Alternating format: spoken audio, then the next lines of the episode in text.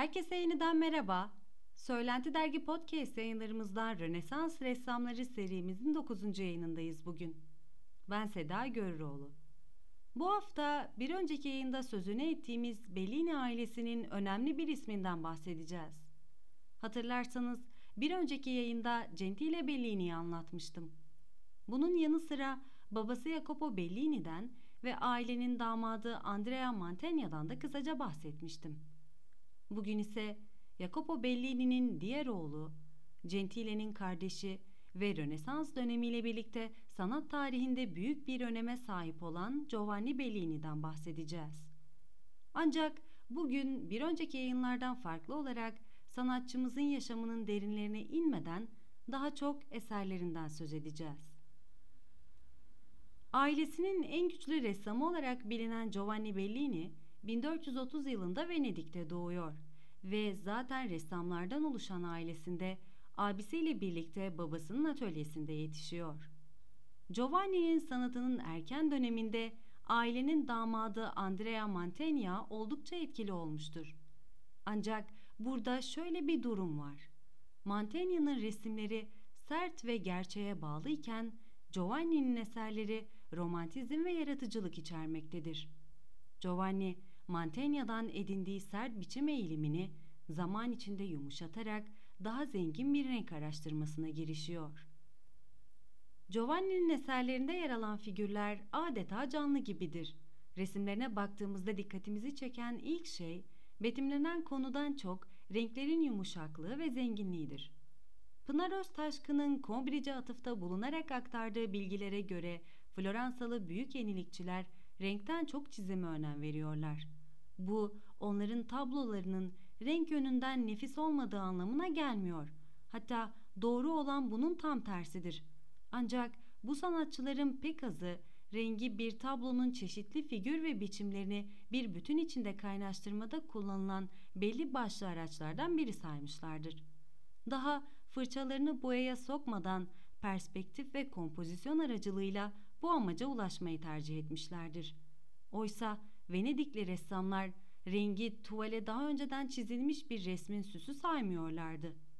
Venedikli sanatçıların Hollandalılardan öğrendiği teknik olan yağlı boya tekniğinin sunduğu imkanlardan yararlanan ressamlardan biri Giovanni Bellini'dir.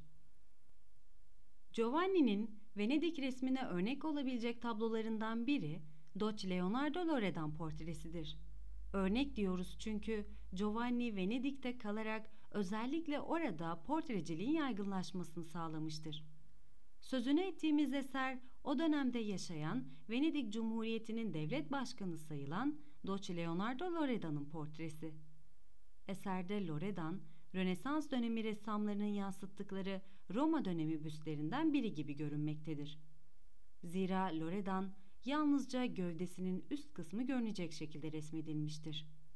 Bu yansımanın vermiş olduğu katı görünüşün yanı sıra Giovanni bu eserde oldukça insani ve gerçekçi bir görünümde oluşturmuştur.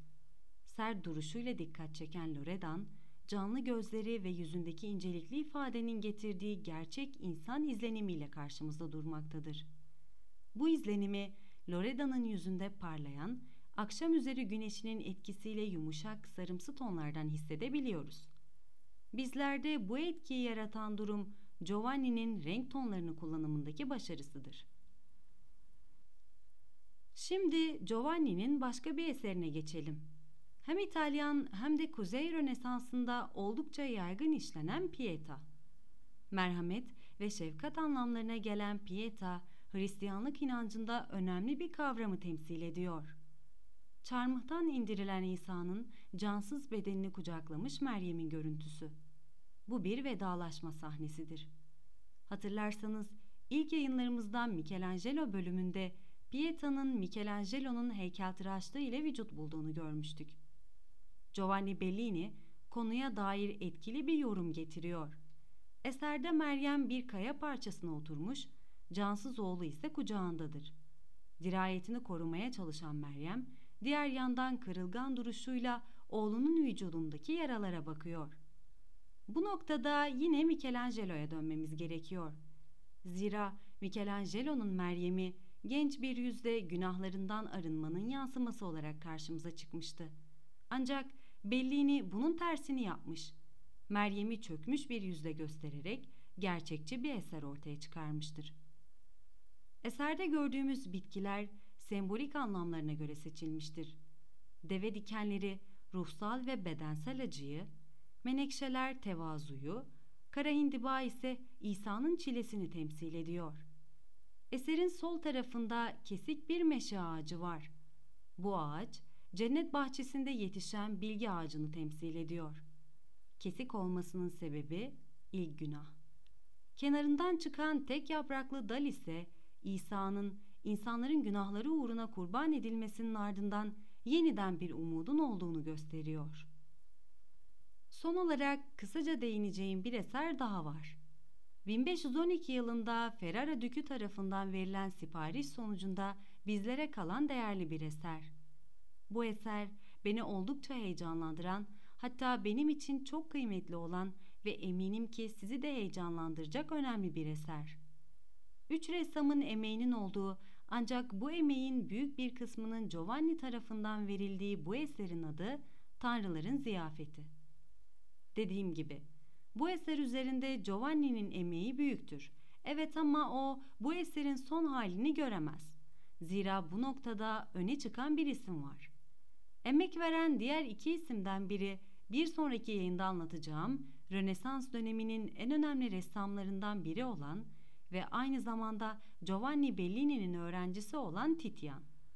Titian, Giovanni öldükten sonra eserin manzarasını tamamlıyor.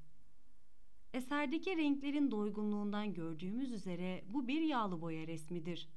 Zarafetin ve hafifliğin hissedilmesinin yanı sıra oldukça karışık bir resim.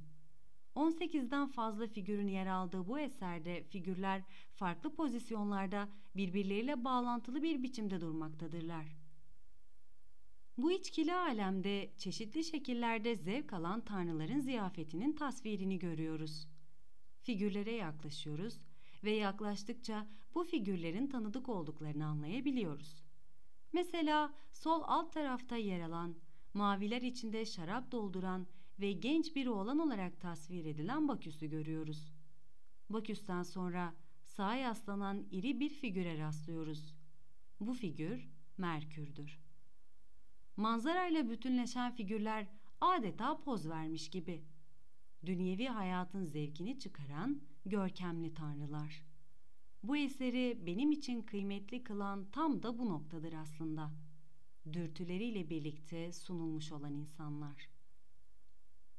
Bu hafta babası Jacopo Bellini, abisi Gentile Bellini ve Andrea Mantegna ile birlikte Venedik Rönesansı'na yön veren ve Venedik okulunun renk düşüncesini getiren Giovanni Bellini'den söz ettik. Benim kıymetli Giovanni üzerine söyleyeceklerim şimdilik bu kadar. Dinleyen herkese çok teşekkür ediyorum. Bir sonraki yayında görüşmek üzere, hoşçakalın.